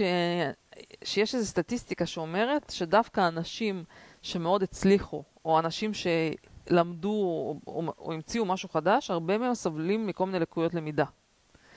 ואני חושבת שזה מעניין, הקטע הזה, שבאמת לשים לב, אנשים שיש להם ילדים עם בעיות, עם לקויות למידה, זה לא תמיד אומר שלא יצא מהם כלום. כן, לפעמים צריך לה- להכיל את, ה, להכיל את הילד, ולדעת שהרבה פעמים זה דווקא מחשל אותו לפתח כל מיני טריקים וכל מיני שיטות, ובסוף דווקא יש סיכוי שיצא ממנו הרבה יותר ממה שכרגע אתם חושבים. זה הרבה גם קשור נגיד לילד שלנו, נכון? שאני תמיד, אה, היה לו תמיד כל מיני בעיות מכל מיני כיוונים, ותמיד האמנו בו, ואני חושבת שבזכות של זה שהאמנו בו, הוא פיתח הרבה מעקפים, ואני צופה לו גדול, גדולות, איך אומרים? אה, הוא הוציא ספר? באמזון. יש כן? ספר של אריאל שלו באמזון. כן, אז uh, באמת הייתה לי איזו שיחה בדיוק על הנקודה הזאת עם מישהי שיש לה סטארט-אפ בתחום של ADHD, והיא באמת אומרת שזה באמת ידוע, שדווקא אנשים שיש להם, הם, שהם מוכשרים ומגיעים לכל מיני תוצאות, הרבה פעמים יש להם לקויות למידה. זה, זה, זה, אתה יודע, זה מצחיק, אבל, אבל זה המצב. אה, אני רוצה כן. לתרום פה סיפור מעניין שקראתי בתור ילד. יש ספר, ש- סיפורים קצרים של אה, אייזיק אסימוב. אחד מהם הוא מגניב, סיפור מגניב על זה שאני אספר בקצרה, על זה שאנשים בעצם בעתיד אה, מקבלים את כל המקצוע שלהם באמצעות איזה סרט שמכניסים להם למוח, כן? כן, מכירה את זה דווקא, זה אפילו היה ידעתי, ב... קראתי את זה גם, אוקיי. והגיבור של הס- הסיפור, המספר, הוא בעצם מרגיש שהוא לא קיבל את הסרט כמו שצריך, או לא, לא קיבל את, המקצוע שלו, כי- והוא הוא מרגיש כאילו דפקו אותו, כי הוא כאילו רפה שכל, הוא אומר, אני, אני עם כל הטיפשים שלא, שלא מגיע להם סרט, כן? ואז הוא מגלה בעצם שהתפקיד שלו זה דווקא אנשים שאמורים להמציא. כן, אתה לא יכול הרי להמציא שום בדיוק. דבר אם קיבלת את הכל, בדיוק. כל הידע שלך בסרט. בדיוק. אז אני לא אומרת, אתה יודע, אם יש ADHD, תטפלו, תיתנו תרופות, אבל uh, תזכרו גם שהרבה פעמים זה דווקא סימן לכישרון, ואם מחזקים את הילד ועוזרים לו להתגבר על זה, שנייה, אני רק רוצה להגיד עוד בנקודה הזאת עצה קטנה, שגם דיברנו עם הבחורה הזאת שיש לה את הסטארט-אפ, שיש לה איזשהו, יש לה איזשהו יועץ לסטארט-אפ שהוא מאוד חכם, והוא אמר בדיוק את הדבר מה שאני אמרתי, שצריך לוודא עם הילדים האלה, זה לשים לב על החוזקות, to double down על החוזקות. הרבה פעמים אנחנו אומרים, בוא ניקח איזה תחום חלש שלך וננסה לעזור לך לחזק את התחום החלש שלך, לפתח אותו וככה תתגבר על הבעיות, אבל השיטה היא דווקא הפוכה. השיטה היא to double down על התחומים הטובים והחזקים של אותו ילד. כן. אז זה עצה הורית, אנחנו במסגרת פינת הורות טוב, מוצלחת. אז למה אז- את מכריחה אותו לתכנת? אני לא מכריחה אותו, לא, היה לי שיחה איתו, אני לא מכריחה אותו לתכנת, יש נושא אחר, לא חשוב, אני לא רוצה שהוא ייכנס, זה קשור יותר. לחוסר רצון שלו תגידי, לנסות. את לא מאוכזבת מאילון מאסק? את לא, הוא לא ירד לך קצת מההתלהבות שלך ממנו? תראה, אני לא מאוכזבת ממנו, כי הוא אנושי, וזה בסדר שהוא עשה כל מיני שטויות ועשה משחקים על זה. אני חושבת שבאופן כללי, וזה מעביר אותי בצורה מושלמת לאייטם הבא שלי, בנושא הכלכלה, אני חושבת שבאופן עקר- עקרוני אפשר, אפשר להגדיר את התקופה הזאת, והקרובה והבאה אחריה, ואת שנות שלטונו של ביידן במילה סטגנציה. תחושה שלי, שמאותה סיבה שאין חדשות ואין שום דבר, כולם נתקעו באיזושהי סטגנציה, ולא ברור מה הכיוון, לאן הולכים, וזה ככה גם הכלכלה נראית. והסיבה שהם רוצים להדפיס את כל הכספים האלה, זה שבאמת אין כיוון, אין מטרה, אין, אין תרבות, אין תקשורת, איזשהו חרטא, באמת חרטא. הכלכלה במצב של חרטא, הכל כזה תקוע, לא מרגיש... למה הם עושים הרבה, הם פועלים ל social justice, זה לא נכון, ג'ני, זה לא שנייה, נכון. אוקיי, סב- סבבה. אבל באמת, לא, אבל ברצינות, אני חושבת שבאמת איבדו כיוון. זו התחושה שלי. לא נכון, ג'ני, הכיוון שלהם כרגע זה ליישר את הקו לכיוון קומוניזם, אוקיי? לכיוון שאנשים בעיה, יהיו- אבל יהיה- הכיוון, יהיו אוקיי, שווים. אז מה שאני אבל אני רואה מבחינת הכלכלה, שיש סטגנציה, מקומות, מקומות נסגרים כי לא, אין להם מספיק עובדים, כי העובדים מקבלים דמי אבטלה. אני לא מבינה אין מה נהגי עושים. אובר בגלל ש... אין לא- נהגי אובר, הנסיעה, הגיעו כן. למצב שהנסיעה משדה תעופה מניו יורק, סתם, למרכז העיר או משהו כזה, עולה יותר יקר מהטיסה שאנשים לקחו בשביל ניו יורק. כן, אתה... כי האובר נהיה כל כך יקר, כי אף אחד לא רוצה לעבוד. וזה סתם דוגמה, כי אתה עובד באובר, זה לא... זה. אבל יש מקומות שנסגרים כי הם לא מצליחים להשיג עובדים. אה, אבל כל התחושה שלי גם, שאנשים כאילו לא... הכל כזה עייף ומשעמם. אני מייעצת לאיזשהו סטארט-אפ בתחום של אה, אה, רפואת שיניים, 30% ירידה בפעילות. הדברים לא, לא באמת מתאוששים, למרות שציפית שעם כל אני אומר החיסון, שהכלכלה רגע, היא על נכון, כרעי אז תרנגולת, ואת לא לא האמנת לי את זה אני לא שאמרתי שומע- אני לך. אומרת לך, למרות שהיית מצפה שעם כל החיסון, שאנשים חוזרים לפעילות והכול, אבל לא, זה הכל רדום. אני לא, אני לא, אני לא אגזים, זה לא מדויק. מקומות נפתחו, ואנשים הולכים למקומות ויוצאים, אבל באופן כללי התחושה היא תחושה רדומה, ותחושה של סטגנציה. בגלל זה זה, מה שאני אני חושב, מרגישה. ג'ני, שהמצב לא טוב. שנייה, והוא- עכשיו הסיבה, אז אני רוצה להסביר. עכשיו, הסיבה של ה-6 טריליאן עכשיו שהם המציאו, שהם רוצים להדפיס 6 טריליאן, אני חושבת שחלק מזה זה שהם כן רוצים להמריץ את הכלכלה בסכומי כסף אדירים כאלה, ויכול להיות שהם גם כאילו אומרים, כל שאר המדינות גם איזה סוג של חרטה ברטה, גם איזושהי סטגנציה, ואנחנו ננצל הזדמנות ונדפיס מלא כסף כדי לנסות פה לקפוץ. אבל אה, מדפיסים בשביל government jobs. כן, אני לא? אני לא מבינה. כאילו, אני לא מרגישה שיש איזה סטימולוס או סיבה, או איזשהו... זה בעיקר עניין של, נראה לי, לא יודעת אם מוטיבציה, אבל איזושהי תחושה של מטרה משותפת, של הולכים לאנשהו, כאילו, אין אויב משותף, במרכאות, כן? אין איזה מטרה משותפת, כאילו, סתם. אז טוב, זה, זה מה ש... נראה שעדיין לא מבינה את זה החדשות. מה שמרגישה. עכשיו אני רוצה להגיד מילה על הביטקוין. אה, אני, לא, אני חושבת שהסיבה שהוא יורד זה גם חלק מאותה סטגנציה, שאני גם חושבת שזה מה שגם הולך לקרות בבורסה, זה שכאילו אנשים תכלס, התקופה שהביטקוין עלה, גם היה קצת פעילות, אנשים כזה היו באטרף, זה היה גם קשור לקצת עניין שאנשים גילו בנושא. ועכשיו אנשים איבדו עניין בהכל.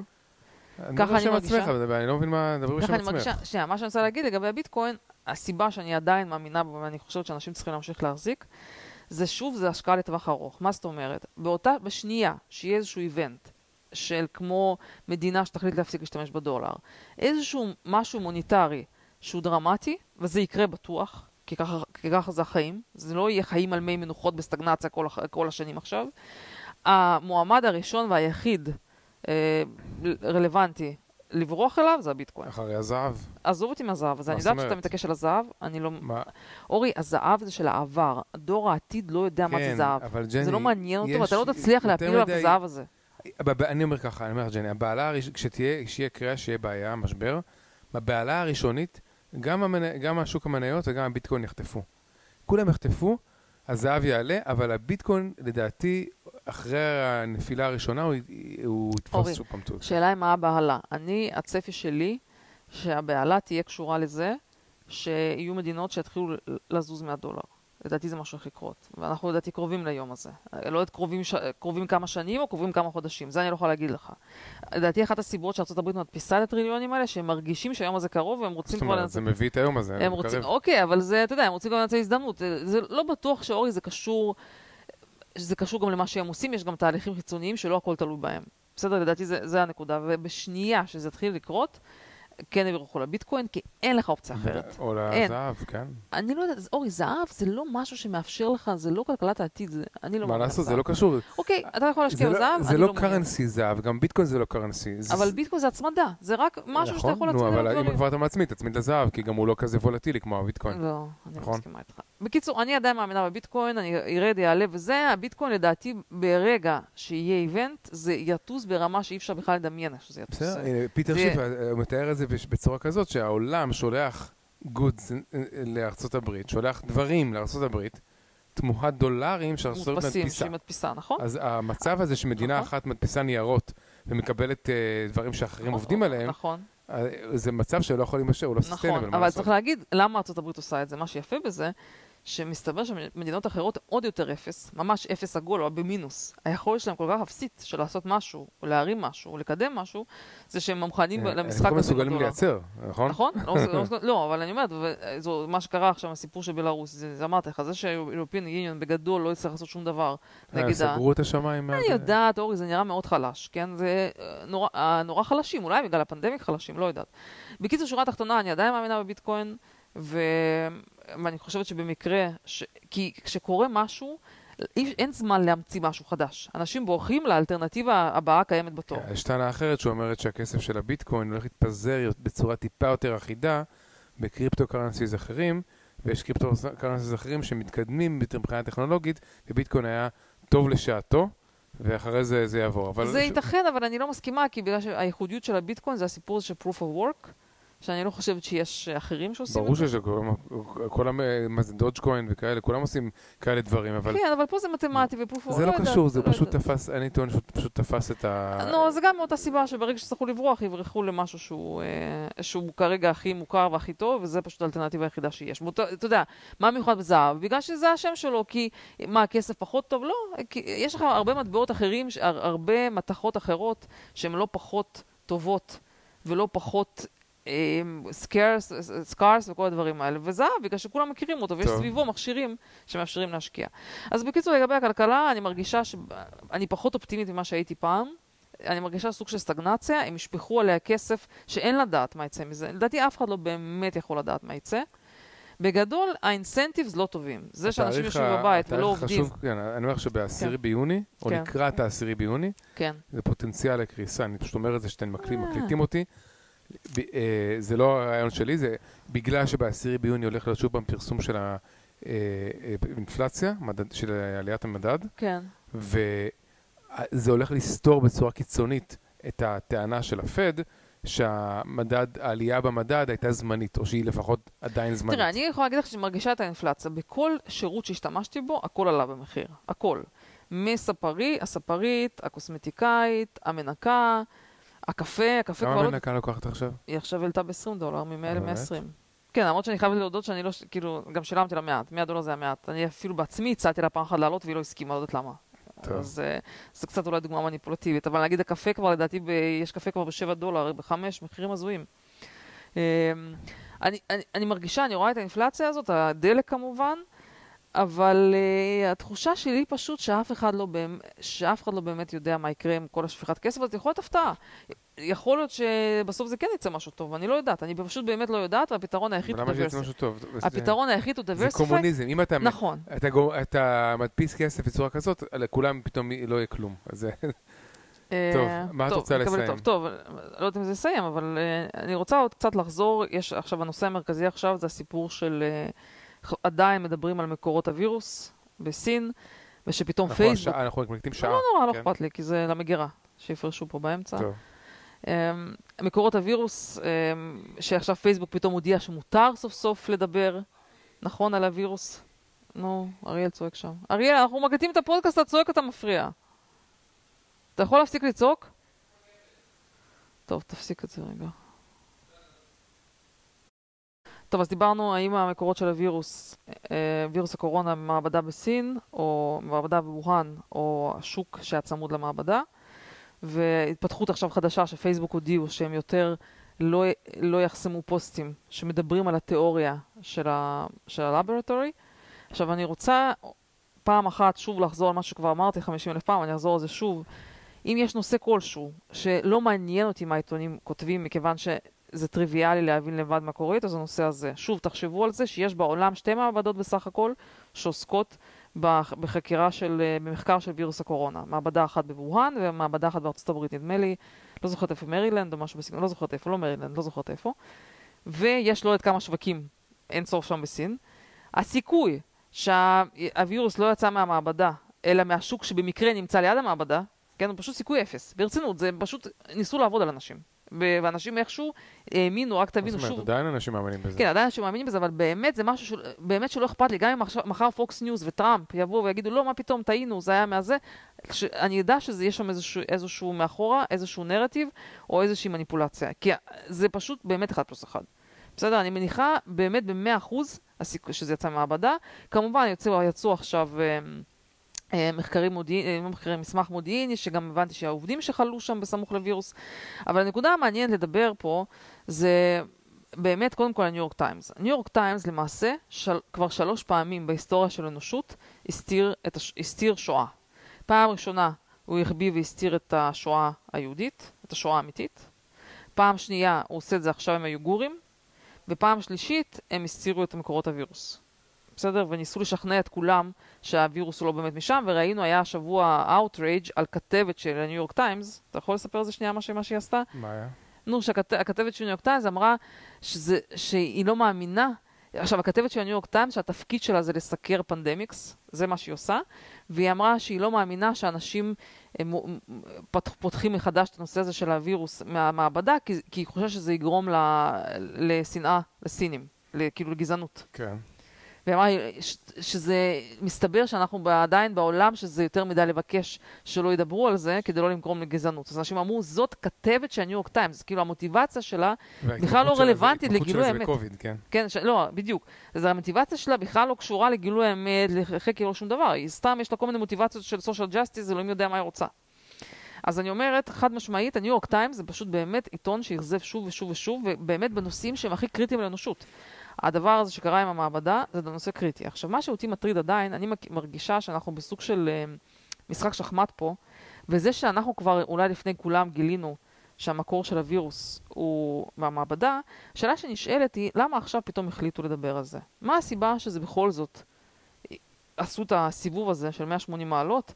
אתה אומר, הצליחו לעבוד על כולם. זאת אומרת, שהצטברו יותר מדי עדויות שהם לא יכולים להתכחש אליהם כבר. מה זאת אומרת, אבל לא רואים, כבר הצליחו לשכנע את כל המדענים. לא, לא נכון, ג'ני. הצטברו יותר ויותר עדויות, הם לא יכולים להתכחש לזה. ועובדה, שמה שמעניין, שביידן לכאורה הוציא עכשיו איזשהו... 90 אה, יום של חקירה על הדבר הזה, כן? ואתה יכול לפרש את זה בתור זה שמנסים למרוח את זה 90 יום, אבל ynet דיווחו על זה כאילו, הנה יופי, ביידן מאיץ את החקירה על מקור הווירוס, כן? כן, שבפועל יש סיכוי שזה רק למרוח, זה נכון. עכשיו, וגם ביידן אמר, שאלו אותו, האם, האם אתה תפרסם את, את התוצאות של החקירה? אז הוא אמר, אה, כנראה שכן, אלא אם כן יש משהו that I'm unaware of. סודי, משהו, כן, לא יודעת, משהו כאילו כזה. כבר הוא מכין את השטח לזה שאולי בעצם אם יגלו משהו... לא, מנסים למרוח להשתיק את זה. כן. תראה, אני עדיין, יש לי קצת תחושה קונספירטיבית מסביב לעיסוק הזה, ואני מנסה להבין אה, מה קרה פה ואיך השחמט פה משחקים אותו. אני כן להגיד נקודה אחת, תובנה חדשה שיש לי בנושא, זה בעצם ברור היום שהמוסדות האמריקאים היו שותפות אורי, אתה מפריע, אני לא יכולה להתרכז ככה, כן. אתה מסתכל כל כיוון, וזה ממש מעצבן. כן. היום ברור שהמוסדות האמריקאים היו שותפים להסתרה. זה גם טריוויאלי. זאת אומרת, זה ברור שאם למשל בן אדם מהשורה קרא בניו יורק טיימס ואמרו לו שהמקור מהווירוס בשוק, אה, סליחה, ממרק בשוק, אז בן אדם אין לו סיבה, הוא לא הכיר שיש מעבדה שחוקרת את הווירוסים בווהאן. אז אין לו בכלל שום סיבה לחשוד. לא קשור, גם דיווחו לו שרק קונספירטורים זה אלה ש... כן, אבל אפילו כשהנושא התחיל, אני רוצה להזכיר לך שהנושא כן. התחיל בסביבות אה, דצמבר, אף אחד לא הזכיר את המעבדה הזאת בכלל, אף אחד לא ידע, לא יכולתי לנחש מעבדה, זה לא עלה בדעתי כאופציה, מכיוון ש... אני לא חושב שדיברו על זה בדצמבר, שזה רק התחיל. לא יודע, אוקיי. לא, כל הזמן דיברו רק על השוק. בסדר. רק עם הזמן. אבל מה שאני רוצה להגיד, שזה ברור שפאוצ'י, דוקטור פאוצ'י המפורסם, ומי שבארצות הברית עובד בתחום, ה-CDC וכל הגורמים האלה, הם בוודאי שידעו שיש מעבדה. לא רק שהם ידעו, הם גם שלחו כסף למאמן מחקרים שם. והם גם ידעו שיש שם בעיות של uh, בטיחות, כי הדברים האלה נדונו. וזה שהם הסתירו את זה, זה מבחינתי דגל אדום מטורף. זה מאוד מאוד מטריד אותי, והיום אני חושבת שאחת הסיבות שהנושא הוסתר, זה לא בגלל סין, זה בגלל הברית. מי שדחף להסתיר את זה, זה דווקא המוסדות פה. כי הם לא רצו שיתגלה. גם פייסבוק הסתירו. אוקיי, אבל אני אומרת, הסיבה, אתה יודע, כולם מאשימים שסין החזקה והמושחתת, היא גרמה להסתרת הסיפור הזה. פתאום מוצאים... fact uh, checkers שהלכו ובשקט ערכו, זה היה פוליטי לא, fact? לא, לא, זה היה Vanity? Vox, Vox. שהם כתבו שזה תיאוריית קונספירציה והיא אה, לא מבוססת ושקר, הם הלכו ו... שינו את הטקסט שלהם באינטרנט בדיעבד, בלי להודיע, כאילו בלי, בלי לכתוב שזה edited. כן, כדי אחרי להגיד, מה פתאום, אנחנו אף פעם לא אמרנו כן. שזה לא אופציה. ונתפסו על חם. כן. ושעשו מישהו, שאל את CNN, למה עכשיו פתאום אתם מדווחים, למה דיווחתם שזה שקר, ועכשיו אתם מדווחים שאולי יש בזה משהו, כן? אגב... אז שנייה, התשובה של CNN אמרה, הייתה, התשובה הייתה, בגלל שהאנשים שאמרו שזה מעבדה, הם היו אנשים של תיאוריות קונספירציה, אז חשבנו, אז uh, חשבנו שזה שטויות. זהו, כן? אז בהקשר אבל הזה... אבל מי הגדיר אותם כאנשים כן. תיאוריות קונספירציה? CNN. שנייה, אז בהקשר הזה באמת, אני רוצה להגיד מילה, שהיה לי איזה גם ויכוח, יש לי ויכוח קבוע על זה בפייסבוק עם כל מיני שמאלנים, שכולם אומרים שטוויטר זה חרטא, וזה שאני כאילו קוראת מהטוויטר, בגלל זה יש לי את הדעות המפגרות שלי, הם לא מצליחים לשלוט לי על המחשבות ולעשות לי שטיפת מוח, כי אני כאילו חשופה על השקרים של הטוויטר. אבל בעצם מה שקורה, שאני כבר גיליתי מספר פעמים שעיתונאים עצמאיים, זה שזה סתם אנשים שפשוט רוצים להגיע לאמת וחוקרים, ומפרסמים את מסקנות החקירה שלהם, העיתונות העצמאית הזאת היא פי מיליון יותר טובה מהעיתונות הממסדית. בחור בקם, בשם קריס סד, לא יודעת אם זה שם אמיתי שלא יודעת מה, כתוב Data Scientist at Stitch Fix, כן? ובעבר הוא עבד בטוויטר, פייסבוק, ניורוסייאנס. אז הוא עשה thread על הסיפור הזה של viral lab leaks, אנחנו חוזרים רגע למה שדיברנו על, אה, על זה שזה דלף ממעבדה no. בסין. אז הוא אומר, סאר, הוא, הוא חקר את זה בכל מיני, את כל מיני מקורות מידע, והוא כותב, SARS-1 has escaped from sophisticated labs six separate times in Singapore, Taiwan and China. Smallpox escaped three times from labs in England, causing 80 cases and 3 deaths. ב-2007, foot and mouth disease outbreak in the United Kingdom first appeared 4 kil- kilometers from a biosafety level 4 laboratory. בקיצור, ממשיך, והיה גם אסקייפ פעמיים מקנזס לאב ב-2004, וזה כבר מופיע בוויקיפדיה. איבולה, זיקה, H5N1 and דנג, לא יודעת מה זה קוראים לזה, have all escaped labs. People died. שוב. כתוב בוויקיפדיה. טוב, בוא נסיים, בוא נתחיל לסיים. בקיצור, 700 אלף איש נהרגו ב-1977, שוב, N1H1 escaped from a lab ב-1977 and killed 700 אלף people that exist, variants of that strain likely still exist today. בקיצור, זה פשוט עבדו, באמת, פשוט עבדו על כולם עם הדבר הזה, ואני חושדת שלארצות הברית, זה לא רק סין ניסתה לעבוד פה על כולם, ה establishment ניסה לעבוד, והפאוצ'י הזה צריך להיחקר, פאוצ'י. כן. הם באמת הסתירו את זה, אני מצטערת מאוד. אבל אני רוצה רק לחדד, הסתירו וירוס שהרג כמה אנשים? כמה הרוגים יש מהקורונה? מיליונים? במיליונים. שלוש מיליון, לא יודע. מיליונים. ועיתונים וה social networks שעשו לזה צנזורה, שותפים לפשע הזה. אני מצטערת, מי שעובד בחברות האלה, כמה שהוא מרגיש אולי זה, אבל תדעו, חברים, אתם הייתם שותפים לפשע הזה, של להסתיר את הדברים האלה. תראי, הפשע של להסתיר את המקור, או לכאורה, עדיין לא, לא גרמת עדיין ל... אני יכולה להסביר לך למה כן? לעוד אה, מקרי מוות, אבל הפשע, פה, אני טוען שזה הולך להיות הפרשה הבאה, אוקיי? זה ניחוש, אני לא יודע. אם באמת יגלו שהאיברמקטין הזה עובד, בסדר? שנייה, בוא נגיד קונטקסט תרופה זולה, שהשתמשו כן. במקסיקו ובהודו. בגואה ספציפית, ויש גם מחקרים. prophylactic של קורונה. כן. ש... שמטפלים כן. בזה בשלבים ראשונים של המחלה, בשלבים מוקדמים יותר, אוקיי? כן. יש, יש הרבה סימנים, אה, אה, מחקרים שהם דווקא, מחקרים שזה עובד, עם, עם, עם מחקרים שנעשו כמו שצריך, עם random, randomized test, control group וכאלה דברים, mm-hmm. כן? אם בסוף יתברר שבאמת האיברמקטין הזה עבד, ו, ופייסבוק וצנזרו באמת את הרופאים שאמרו שיש תרופה, כן. והמליצו על זה, אז אני חושב שמי שצנזר על תרופה שעובדת ומנע וגרם לזה להיראות כאילו שזה רק קונספירטורים וכאלה דברים. פלוס ה-CDC ופאוצ'י, שלא עשו כל מה שהם יכולים בשביל להוכיח אם זה עובד, לגלות אם זה עובד או לא עובד, אוקיי? כל האלה הם לגמרי פשעים נגד האנושות, אם, אם זה המצב. תראה, אני גם לא מסכימה איתך שזה שצנזרו את מקור הווירוס זה לא גרם שום נזק, מכיוון שא', אנחנו מכירים את הסיפור שטיוואן הזהירו מפני הדבר הזה עוד בנובמבר, והשתיקו את הכל כדי להעלים, והם ספציפית הזהירו... לא תאילנד. לא, טיוואן, תאילנד? תאילנד, ספציפית הזהירו הנושא של מעבדה. הם אמרו שיש משהו חשוד שקשור למעבדה, כן. כן, וניסו כאילו להחביא את הכל. אז זה כן, יכול להיות שהיו מתמודדים יותר טוב, ובקטע הזה אני רוצה עוד פעם לתת uh, לטראמפ כל הכבוד על זה שהוא היה בין הראשונים למרות כל הדיסאינפורמציה סביבו ולמרות שאנשים סביבו לא עשו את העבודה שלהם. במקום להגיד לו, תקשיב, יש פה איזה מעבדה ובאמת הווירוס הזה מסוכן ואולי יעשו אותו יותר קטלני בגלל שעשו עליו מחקרים, בטעות, כן, אף אחד לא מדבר פה על uh, נשק ביולוגי, עדיין היה לו את השכל להגיד אני סוגר את הטיסות, כן, לקלוט את זה, אה, בזמן שאנשים סיפרו סיפורים, מה פתאום, זה שפעת, בואו ניסע לבלות בצ'יינאטאון וכל מיני כאלה. זה לא עובר כן. באוויר, כאלה דברים. כן, היה לו את הקטע, כן. הוא הסתכל בתמונות והיה לו מספיק הבנה לקלוט. לקבל את ההחלטה ההגיונית אפילו ש... אני אגיד לך מתי אני קלטתי כן. שזה עובר באוויר? כן. עם, הס... עם הספינה הזאת אה, אה, ביפן. כן. שעוד ועוד אנשים ח... אה, חלו, כן. והם לא באמת דיברו, כן. נגעו אחד בשני, כן? כן? מסכימה. אז זה היה כבר צריך להבין שזה עובר באוויר, כן, וכל הטיפתי, טיפתי הזה, וכל השטויות כן, האלה. שדיברו על זה, כן? ואם זה עובר באוויר, אגב, אז המסכות לא עוזרות לגמרי, בגלל שאז לא, האוויר יוצא כן. מהצד של המסכה. בקיצור, אני נכון? אומרת, לטראמפ היה דווקא באמת, כאילו, כושר זיהוי, הוא באמת קלט בשעת משבר, קיבל את ההחלטה הנכונה מול כל הרעש האינסופי, לא רק שמול רעש, מול דיסאינפורמציה של האנשים שהיו אמורים לתת לו אינפורמציה טובה. טוב, יאללה, בואי, אנחנו שעה ורבע. לא, לא. אכפת לי. רגע, אני רוצה... אז אני אומרת, בקיצור, בקיצור, זה לא מדויק שזה לא השפיע על, על הצורה של הטיפול בווירוס.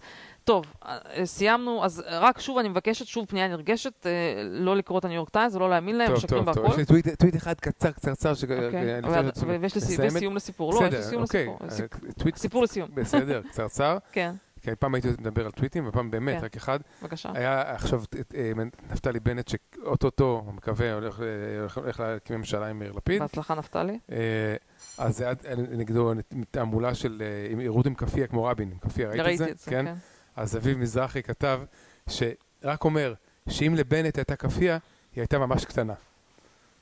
את מבינה את הבדיחה, ג'ני? אה? כן, אוקיי, יופי, זה רק רציתי לוודא. בסדר. מאוד מצחיק. טוב, אז אני רוצה לסיום, בגלל שאנחנו חוזרים רגע למה שהתחלנו איתו, של ה-Memorial Day, אז אתמול בת... במקרה נת... נתקלתי בסיפור מדהים, סיפור קצת היסטורי על אמריקה, על הסיפור של הדגל, מה שנקרא סטאר, סליחה, הסיפור של הדגל והסיפור של ההמנון האמריקאי, שנקרא סטאר ספנגל באנר, ומה הסיפור שלו. אז ממש רק בשתי מילים. Uh, אני אספר את זה כי זה מרגש, ואני ממליצה לחפש ביוטיוב Star Spangled Banner Story, ותקשיבו, זה ממש ממש מעניין. אז הסיפור הוא ב-1814, פורט שנקרא פורט מקנרי. פורט הנרי. פורט, פורט, לא, מקנרי. פורט לא הנרי, לא?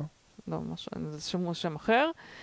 מה שקורה שם שהבריטים הם מנסים, כן, אתה יכול להסתכל מה השם של כן. השם המדויק של הפורט הזה. הבריטים מנסים לפגוע, אמ, כן, Battle of Fort Henry. אוקיי, הם מנסים להילחם, כן, אז יש שם קרב, הבריטים מנסים להילחם באמריקאים במוצב הזה, אה, משהו כזה. זה לא זה? אני לא יודע. טוב, משהו, משהו, אני, ראיתי- אני ראיתי שזה נקרא מקנרי. אוקיי. ויש שם איזה קטע של עסקת שבויים, מגיע בחור בשם פרנסיס סקוט קי, שהוא בעצם בעתיד הולך להיות המשורר, ה-author של ההמנון האמריקאי, הוא, הוא מגיע כנציג של האמריקאים למשא ומתן, מגיע לאונייה שעליה הבריטים מחזיקים שבויים אמריקאים, בעצם עושה משא ומתן, הם מס- מסכמים שתהיה החלפת שבויים, והוא יורד למטה להודיע לשבויים שיושבים בכלובים שהם תכף הולכים להשתחרר ולחזור לפורט הזה או לאיפה שהם באמריקה. ואז המפקד של הספינה ניגש אליו ואומר לו, תקשיב, רק שתדע שאומנם הצלחתם משא ומתן, אנחנו עושים את החילופי שבויים, אבל תדע שתוך כמה שעות, בעצם כל, ה- כל ההסכמה הזאת לא שווה כלום, שתוך כמה שעות יגיעו, כל הצי הבריטי הולך להגיע לפה, והוא הולך לירות על הפורט עד שהפורט ייכנע לדרישות של, ה, של האימפריה הבריטית, והסימן לזה שהם נכנעו יהיה שהם הורידו את הדגל. בעצם יש להם עכשיו מעל הפורט, יש דגל ענקי שמתנוסס, הם יורידו את הדגל, וככה הבריטים ידעו שהם נכנעו. ואז עכשיו את- אתם צריכים להישאר על האונייה, כי בדיוק, ו- ותוך כדי שהוא מספר לו את זה, מתחילה ההתקפה, ומגיעות מלא מלא ספינות, ולא יודעת, באלפים או משהו כזה, ומתקיפות את הפורט, ויש יריות במשך איזה 24 שעות בלי סוף של פגזים. טוב, יאללה, ג'ני, רגע. וכל האסירים שיושבים שם ב... עדיין בכלובים, האסיר אה, מק הנרי, מק הנרי. כן, זה מה שאמרתי לך. כן. אז כל האסירים שיושבים בכלובים, כל מה ש... בגלל שהם יודעים שהסימן לקנייה של האמריקאים זה שהדגל ירד, כל מה שמעניין אותם זה לשאול את הסקוט, את הפרנסיס סקוט קי הזה, להגיד לו, לך תסתכל אם הדגל עדיין שם, לך תסתכל אם הדגל עדיין שם, וכל פעם שהוא בודק הוא רואה שהדגל שם, מסתבר שכאילו בצד של האמריקאים, שזה מבצע הירואי, לוודא שהדגל לא נופל, מחליפים אותו תוך כדי, כדי להראות שהם לא נכנעים, ובסוף הבריטים מתייאשים ולא מצליחים לכבוש את ה fort, ואז הפרנסיס קי, הפרנסיס סקוט קי הזה כותב, והמילים של, של ההמנון האמריקאי זה בדיוק הסיפור הזה של איך הם כל הזמן בודקים האם הדגל הזה עדיין שם. Say can you see by the dawn's early light what so proudly we hailed at the twilight's last. קיצור אומר, whose, um, um, whose broad stripes and bright stars, זה- איפה יש, אה סליחה, אני רק רוצה להקריא את השורה הזאת שספציפית מסבירה שהם בודקים את הדגל, הם אומרים Uh, and the rockets red glare, the bombs bursting in, the, in air, זה אותם הפצצות שיורים אותם, gave proof through the night that our flag was still there. טוב. שבסוף כאילו זה ההמנון, שזה מעשה, איך הם לא נכנעו, ואיך הם שמרו על הדגל, ובסוף הדגל לא ירד, טוב. ועל זה כל, כל השיר של ההמנון. כן, מקווים שזה אוקיי. נכון גם. כן. מה? מה יפה? אוקיי. אנחנו לא נשמיע את השיר, רק הקראנו את המילים שלו. בסדר, יאללה. יאללה, נגמר. ביי ביי. ביי ביי.